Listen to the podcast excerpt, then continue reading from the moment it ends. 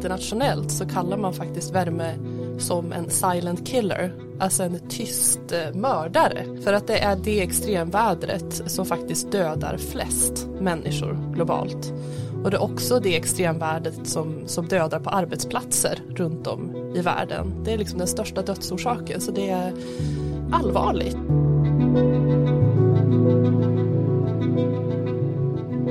Att vi ska lyssna på klimatforskarna, det får vi ofta höra i samhällsdebatten.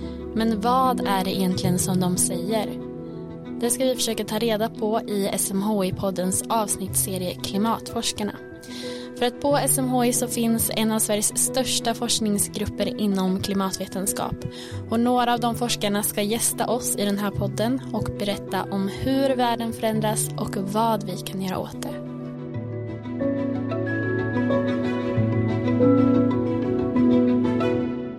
Hej och välkomna till SMHI-podden och till den här avsnittsserien Klimatforskarna som nu börjar att eh, lida lite mot sitt slut.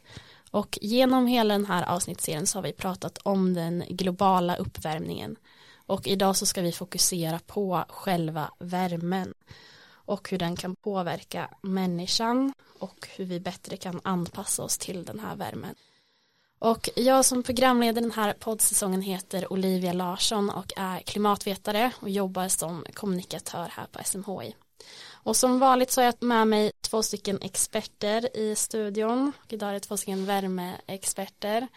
Och det är först George Emorim som är filosofidoktor inom miljövetenskap och som nu är chef för den meteorologiska forskningen på SMHI.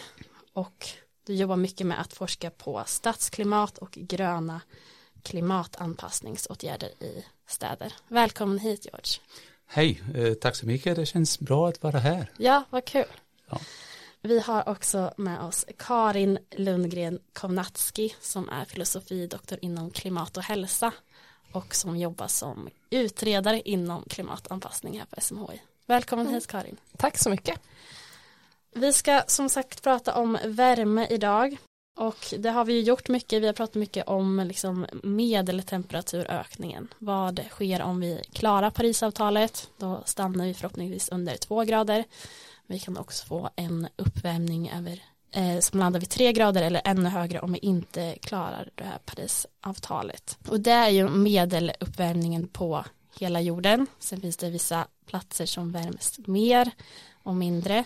Men en annan eh, grej som sker är ju också att extremer blir vanligare och värmeböljor kan bli mer intensiva.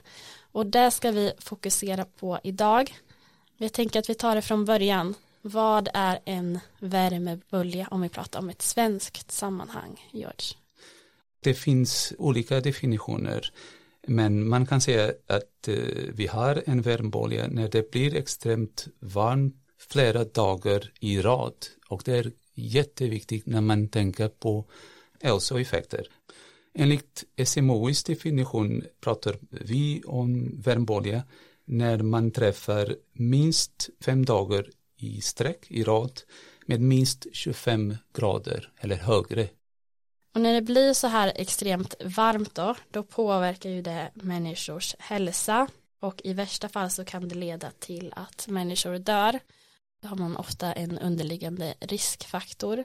Och det här händer ju även i Sverige. Man kanske tänker att Sverige är ett kallt land, att människor inte ska dö av värme här. Men när vi har en värmebölja så kan det ske här också.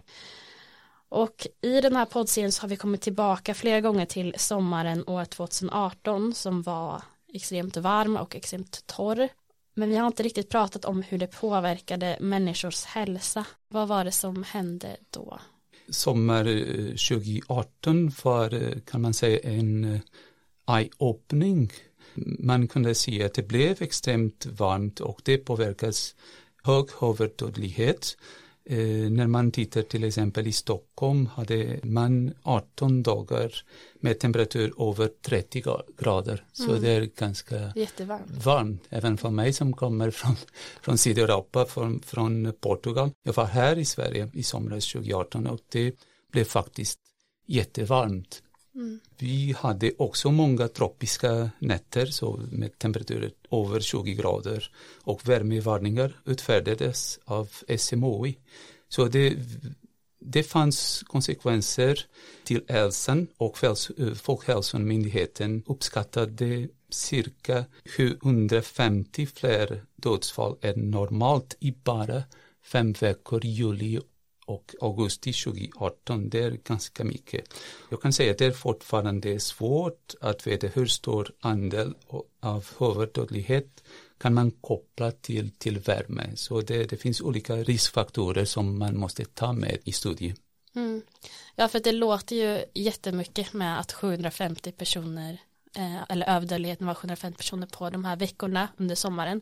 Och jag kan liksom inte komma ihåg några rubriker om det liksom att det var så många personer som dog. Och det hade det ju varit om det var något annat extremt event om det var en eh, översvämning till exempel. Och man kan ju inte riktigt jämföra dem på samma sätt eftersom att det är så svårt att tillskriva dödsfallen till just värmen.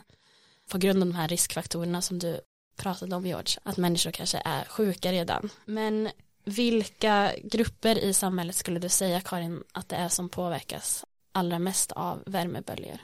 Jag tänkte först bara koppla an till det du sa tidigare att internationellt så kallar man faktiskt värme som en silent killer alltså en tyst eh, mördare. Mm. För att det är det extremvädret som faktiskt dödar flest människor globalt.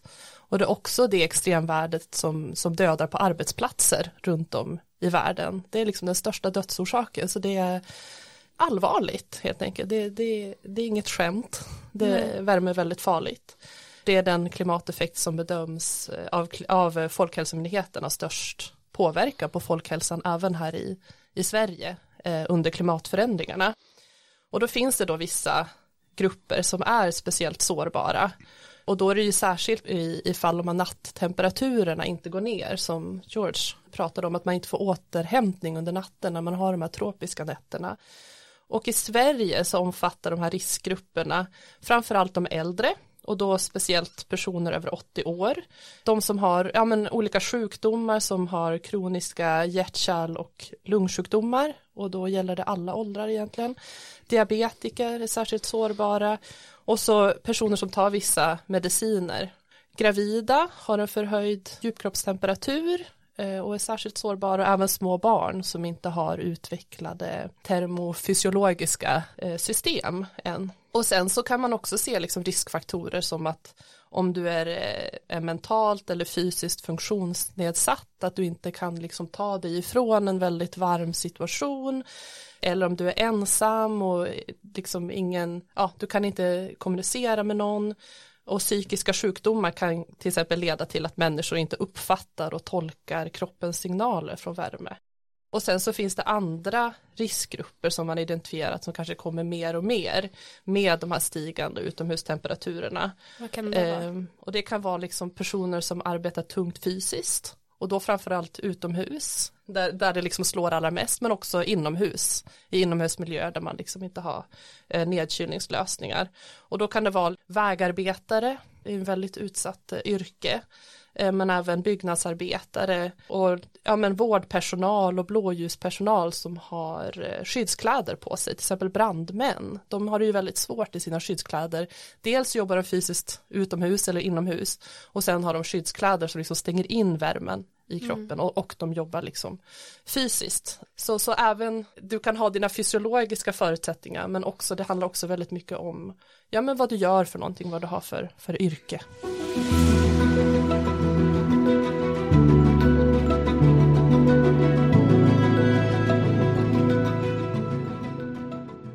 Men när vi pratade om den här varma sommaren då 2018 när så många personer i riskgrupper dog så var det då att det var temperaturer över 30 grader 18 dagar i Stockholm sa du va? Ja, ja precis. Och så det var ju extremt varmt för oss, även om du sa det att du var van med Portugal så var det varmt för dig. Men det finns ju ändå platser på jorden när det är i princip 30 grader varje dag.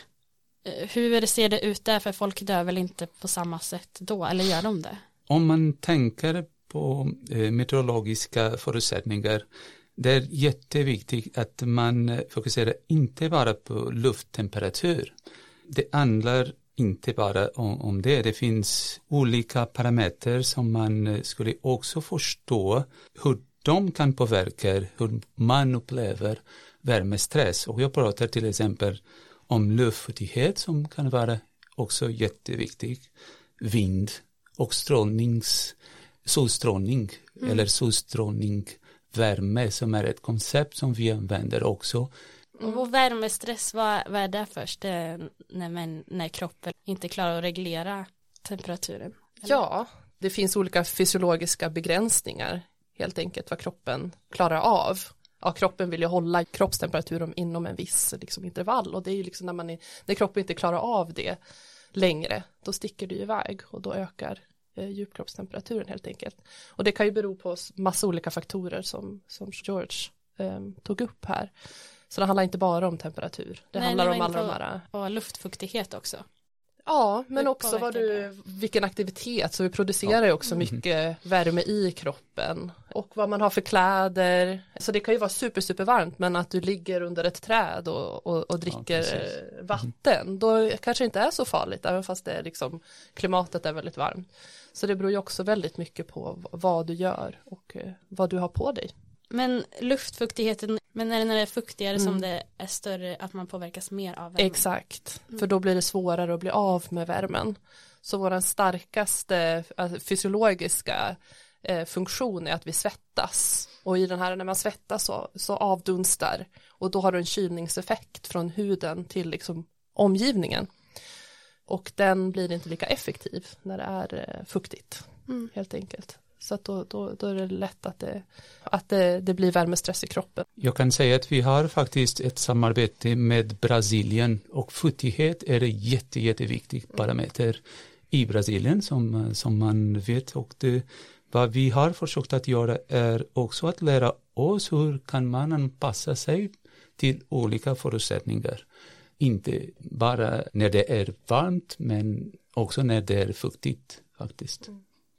Det tror jag man kan känna igen sig i om man är ute och reser till ett varmt och fuktigt ja. land, att det kan vara 30 grader och det känns jättejobbigt. Medan när du är kanske i ett, eh, ja men, eh, ökenland där det är varmt och torrt, då kan det vara 40 grader och inte kännas lika farligt. Ja, mm. precis. Eh.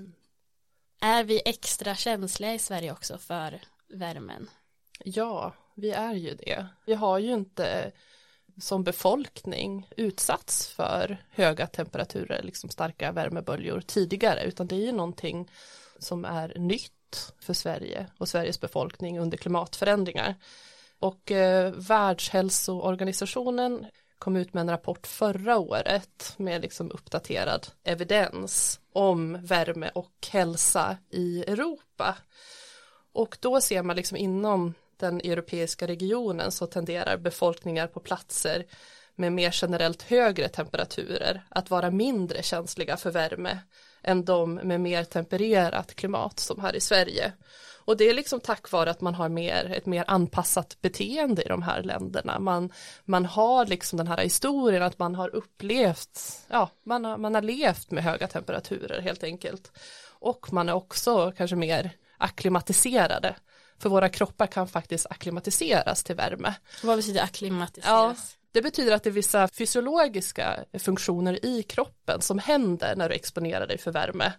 Och det brukar man säga att liksom om du exponerar dig för hög värme under ungefär sju dagar har man sett i, i, i forskningen, då finns det vissa eh, fysiologiska mekanismer som sätter igång och det handlar om att du ökar din svettproduktion, du har mindre salt i, i svetten, din, under liksom samma betingelser av värme så är din djupkroppstemperatur inte lika hög och din puls inte lika hög. Så det finns liksom sådana fysiologiska anpassningar till värme. Så värme som sker i kroppen. Liksom.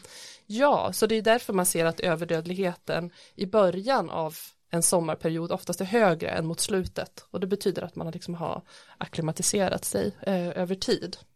Och dessutom så kan, ha forskning från Umeå universitet visat att vi också har skillnader mellan nord och södra Sverige och en orsak till att det kan vara större konsekvenser av värme i Norrland det skulle kunna vara att invånarna i norr de är lite mer alltså ovana vid de här temperaturerna, alltså lite mer ovana än, än befolkningen i södra Sverige.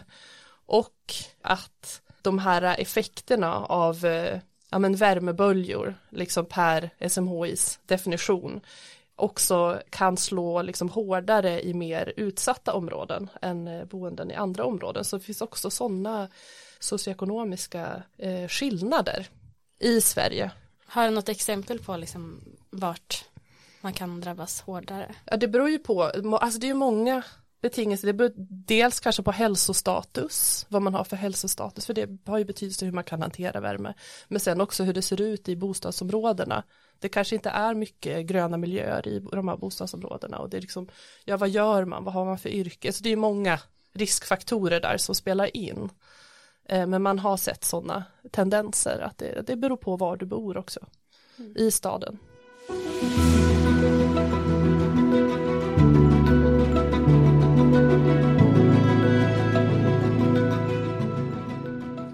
Nu ska vi prata om en annan extrem värmebölja och det är Europa 2003. Man räknar då med att 45 000 människor dog direkt eller indirekt till följd av värmen här. Varav 15 000 människor i Frankrike som påverkades jättehårt av den här värmeböljan. Och vi pratade ju tidigare om att, de, att dödsfallen ofta liksom är kopplade till andra riskfaktorer så det blir liksom indirekt och också att luften tenderar att bli mer förorenad när det är så här varmt som också är hälsoskadligt. Men efter den här katastrofsommaren då, när så många människor dog, hur har, vad har hänt sedan dess? För att jag antar att man måste ju ha jobbat med anpassning efter det här, när så många människor dog.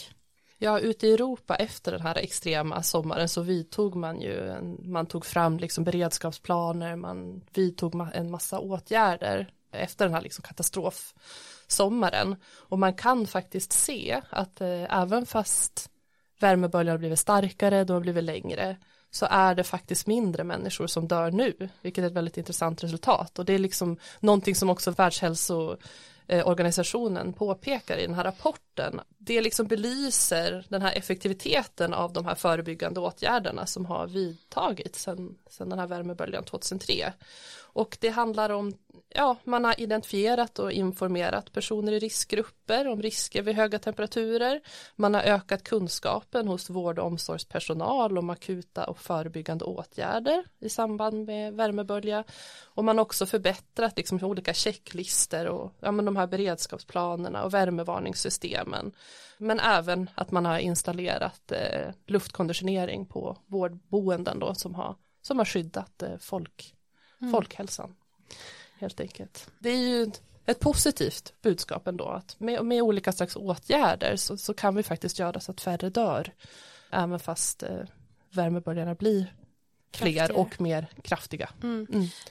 Ja, och det är ju jätteviktigt att man vet att man kan påverka det här och anpassa sig liksom, mm. så att man kan jobba med det här.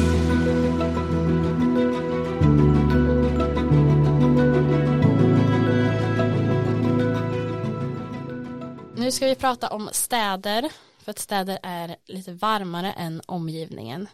Några fåtal grader och det här brukar man kalla för den urbana värmeön, det här fenomenet att städer är varmare än omgivningen eller stadens värmeö. Och eh, det här är ju viktigt att tänka på eftersom att så många människor bor i städer och samtidigt som vi nu får en varmare värld. Man brukar räkna med att en hälften av jordens befolkning bor i städer och i Sverige är det någonstans 85 procent som bor i, i tätorter. Men vi ska prata om det här fenomenet med den urbana värmeön. Varför är det så att städer är varmare än omgivningen, görs?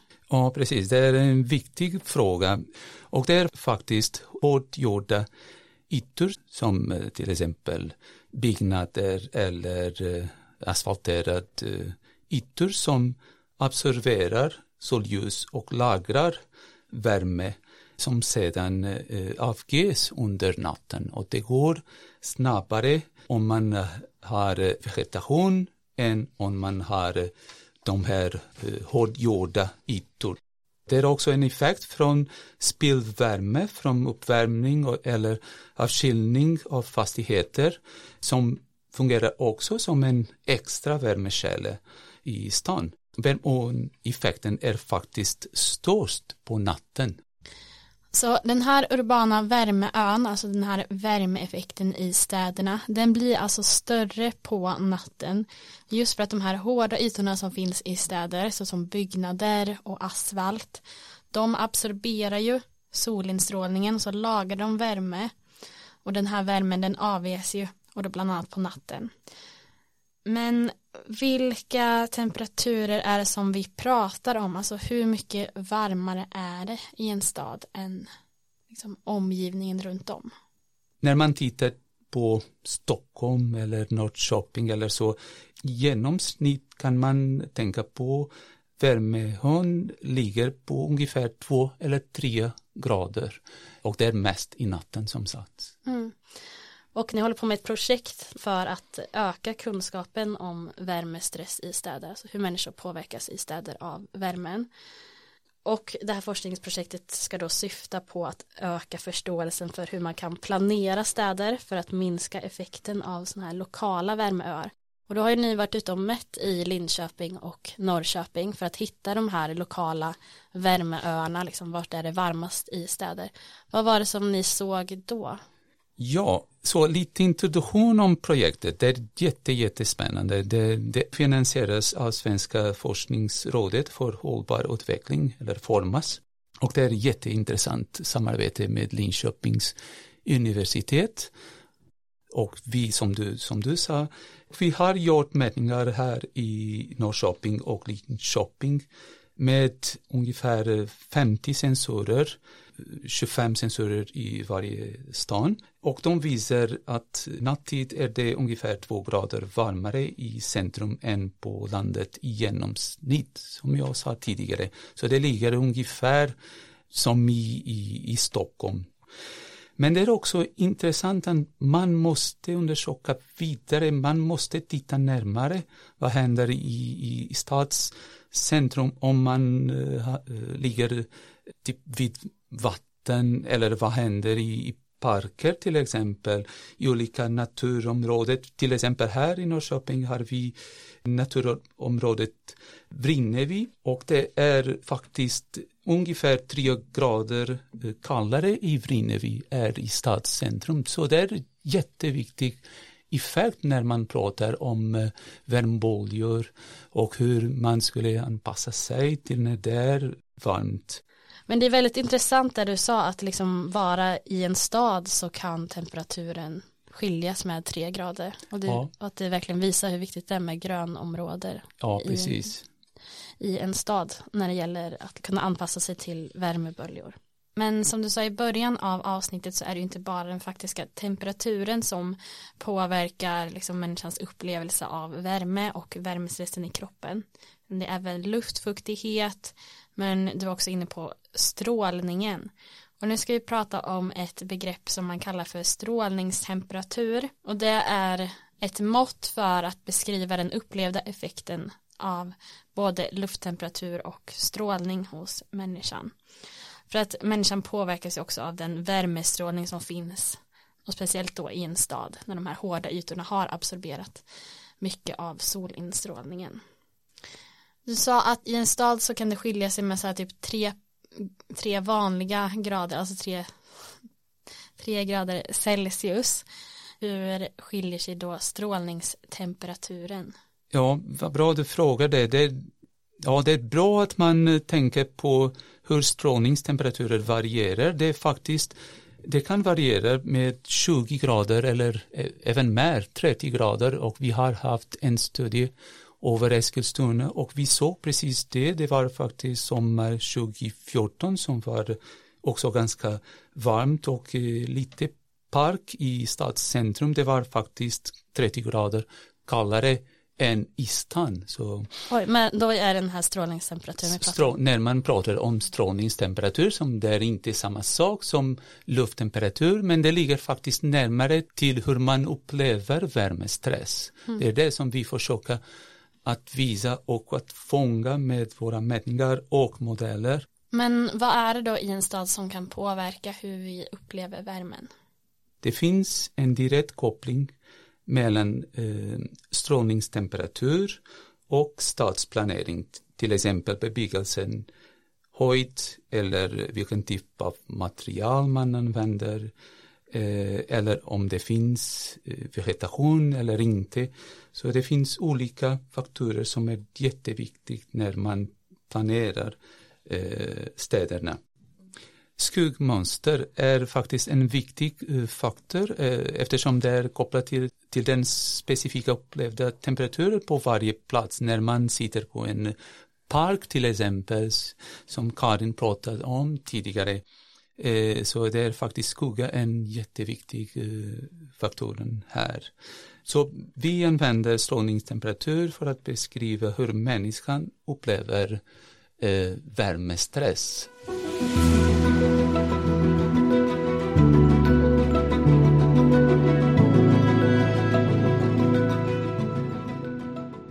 Så det är varmare i städer generellt redan nu och städer påverkas ju då mer av värmeböljor.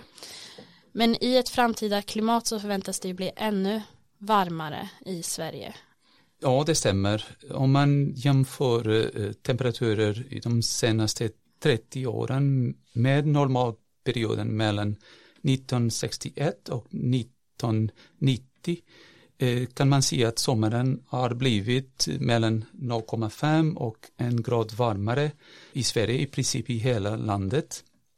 Vi kan också se är att när klimatet fortsätter, eh, fortsätter att bli varmare kan vi förvänta att varma extremer också kommer att bli vanligare.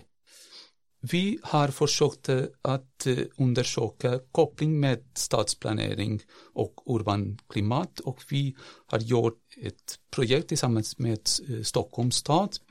Och vi såg att klimatet i städerna påverkas ytterligare av förtätning och expansion. Och till exempel i, i Stockholm vi undersökt hur en varm sommar kommer att se ut i Stockholm i 2050, så i, i framtiden, efter de 140 000 nya bostäder som planeras är redan på plats. Mm. Och vi ser faktiskt att det finns en effekt och temperaturökning är stor, störst i områden som tidigare eh, varit naturmiljöer.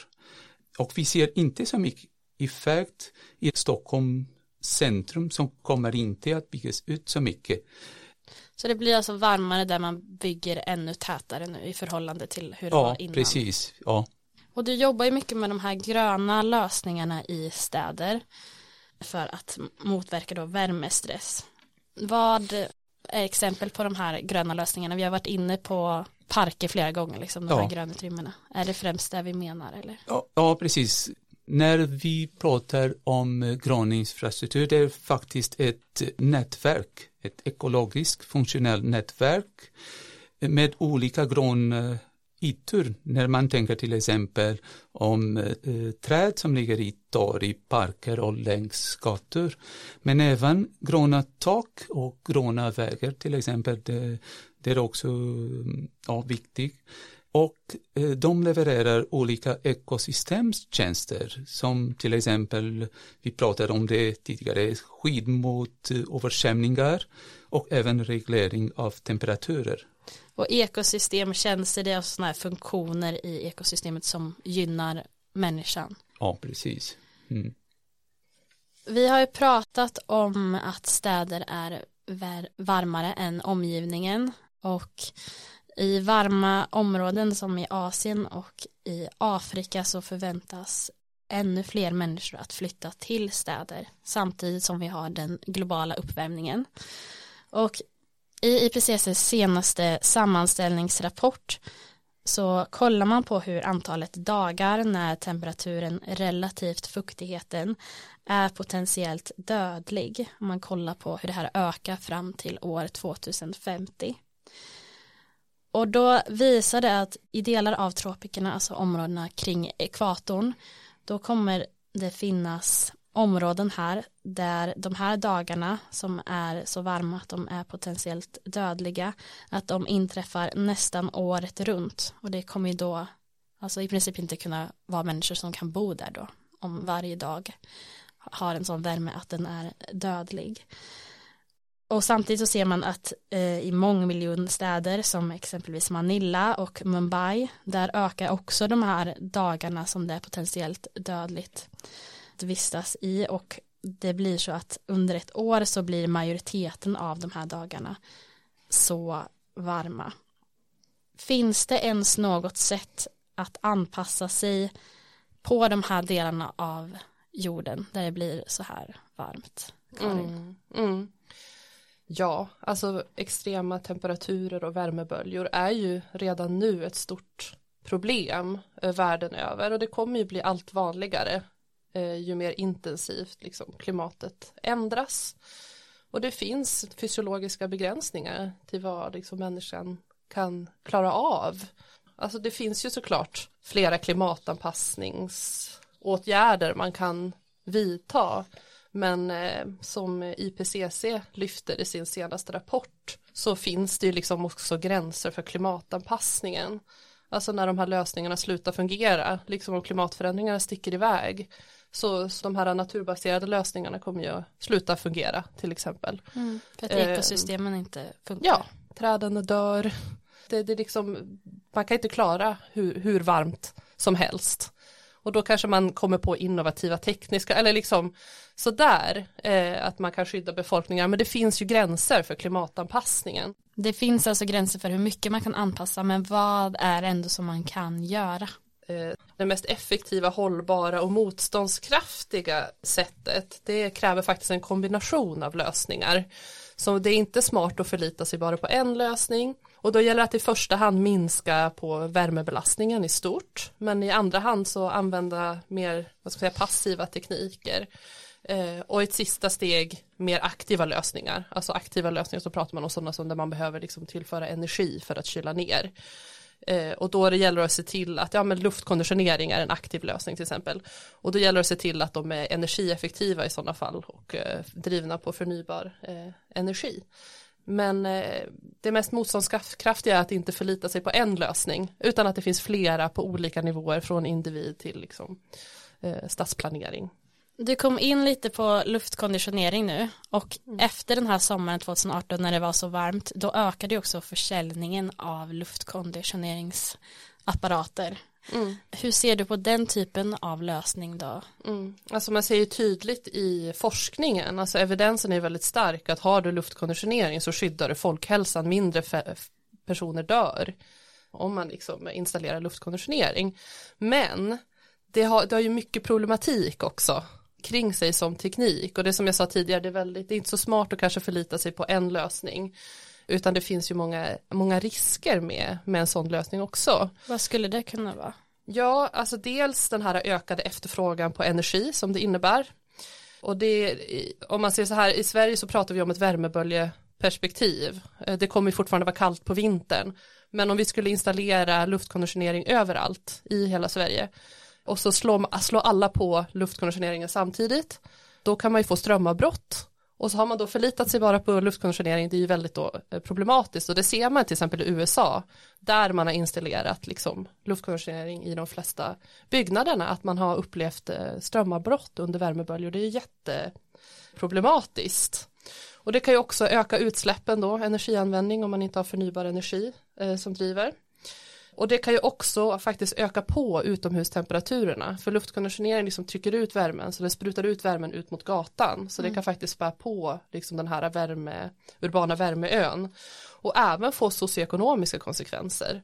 För det, den här kostnaden ligger ju på individen idag att köpa, installera och driva luftkonditionering och det ser vi ju idag liksom med elkostnader och allt vad det, vad det innebär. Mm. Sen ska man ju kan man ju använda luftkonditionering men man ska använda det smart. Ja men då kanske vi ska tänka, ja men då är det kanske där man har sårbara grupper som i vårdboenden och sjukhus och sådär man ska ha det. Och att man kanske inte ska kyla ner hela byggnader. Vi pratar om värmeböljor så kanske i kontorsbyggnader att man kyler ner fikarummet så kan man gå och kyla ner sig medan man fika. Alltså man måste vara lite smart med den lösningen helt enkelt.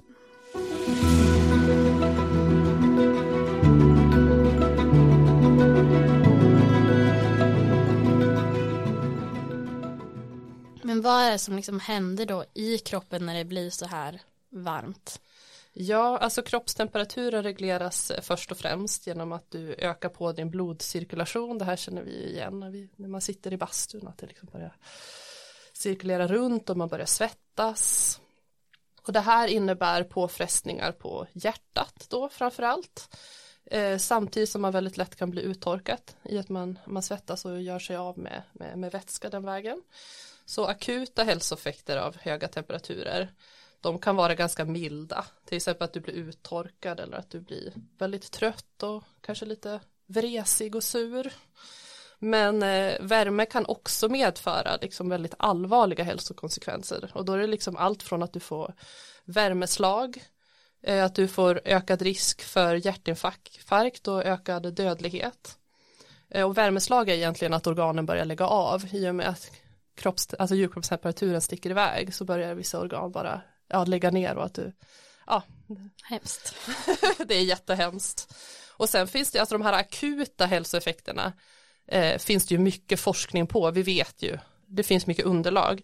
Men sen vet vi faktiskt inte mycket om de här kroniska effekterna av att kroniskt liksom expo exponeras för hög värme och liksom kontinuerligt exponeras. Men man har sett exempel på världen över på att liksom kontinuerlig värmebelastning kan öka på kronisk njursjukdom och eh, man har sett att eh, arbetare som arbetar fysiskt utomhus, liksom i en rad länder runt om i världen har det rapporterats liksom det här med, med njursvikt till exempel och kronisk eh, njursjukdom, så njurarna tar mycket stryk mm. av värme. Och det här är ju då direkta liksom konsekvenser av värmen, mm. påverkar kroppen. Mm. Men vilka indirekta sätt påverkar liksom värmen, hälsan om vi tänker på Sverige mest? Mm. Alltså det finns ju också de här indirekta effekterna och då är det så att det här påverkar också ekosystemen och djuren runt omkring oss och kan påverka jordbruket och våran livsmedelsförsörjning och djurhållning, också våran vatten och matkvalitet kan indirekt påverkas. Så våran bebyggelse, infrastrukturen och samhällsservice kan liksom sluta, sluta fungera under liksom starka värmeböljor. Och sen så ser vi också liksom med, med ökad värme att det kan leda till exempel till ökad utbredning av vissa eh, smittsamma sjukdomar. Till exempel att eh, värddjur och vektorer blir vanligare och breder ut sig till nya områden när klimatet ändras. Och ett exempel på det är ju fästingar och TBE. Mm. I, I norra Sverige så ja men för bara ja men ett tiotals år sedan så hade vi inte fästingar och vi hade inte TBE och nu är det utbrett i hela landet och det är ju en konsekvens av att klimatet blir, blir varmare. Så det liksom finns en ökad risk för infektionssjukdomar och zoonoser att liksom eh, smittor överförs mellan djur och människor. Sådana smittor ökar och att nya eh, smittor uppkommer. Ja men vi, det är liksom i dagsläget kan vi inte riktigt förutsäga vilka nya smittor eller infektionssjukdomar som kommer att komma. Men eh, det finns ju ökad risk för framförallt de här vektorburna sjukdomarna som mm. kommer med myggor då framförallt och då kan man ju, har man ju detektera myggor som kan bära på dengue och West Nile feber oh, och sånt där i Sverige redan nu med det varma klimatet. Vad då har man sett denguefeber? Alltså, myggor. alltså myggor som kan bära på denguefeber men, det, men denguefeber har man ju i södra Europa har ju det blivit mer och mer vanligt med det varmare klimatet. Så det är massa läskiga och hemska sjukdomar som kan komma in i Sverige mm. den vägen.